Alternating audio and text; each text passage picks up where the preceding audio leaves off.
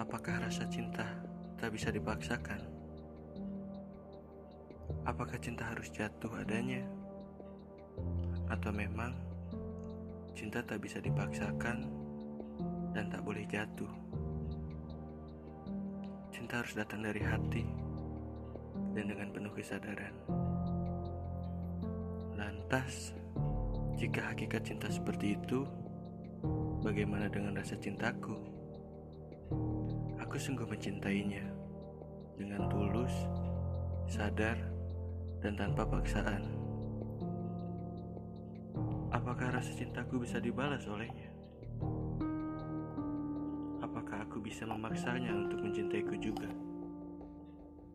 Lalu, jika dia memaksakan untuk cinta kepadaku, apakah perlahan rasa keterpaksaan itu akan menghilang dan berubah menjadi rasa cinta yang tulus. Entahlah, mungkin untuk saat ini aku hanya bisa memendam rasa itu dalam-dalam. Aku tidak mau memaksakan apa yang tidak bisa disatukan, sama seperti air dan minyak. Mau diaduk sekencang apa pun, mereka tidak akan bisa bersatu. Oh Tuhan,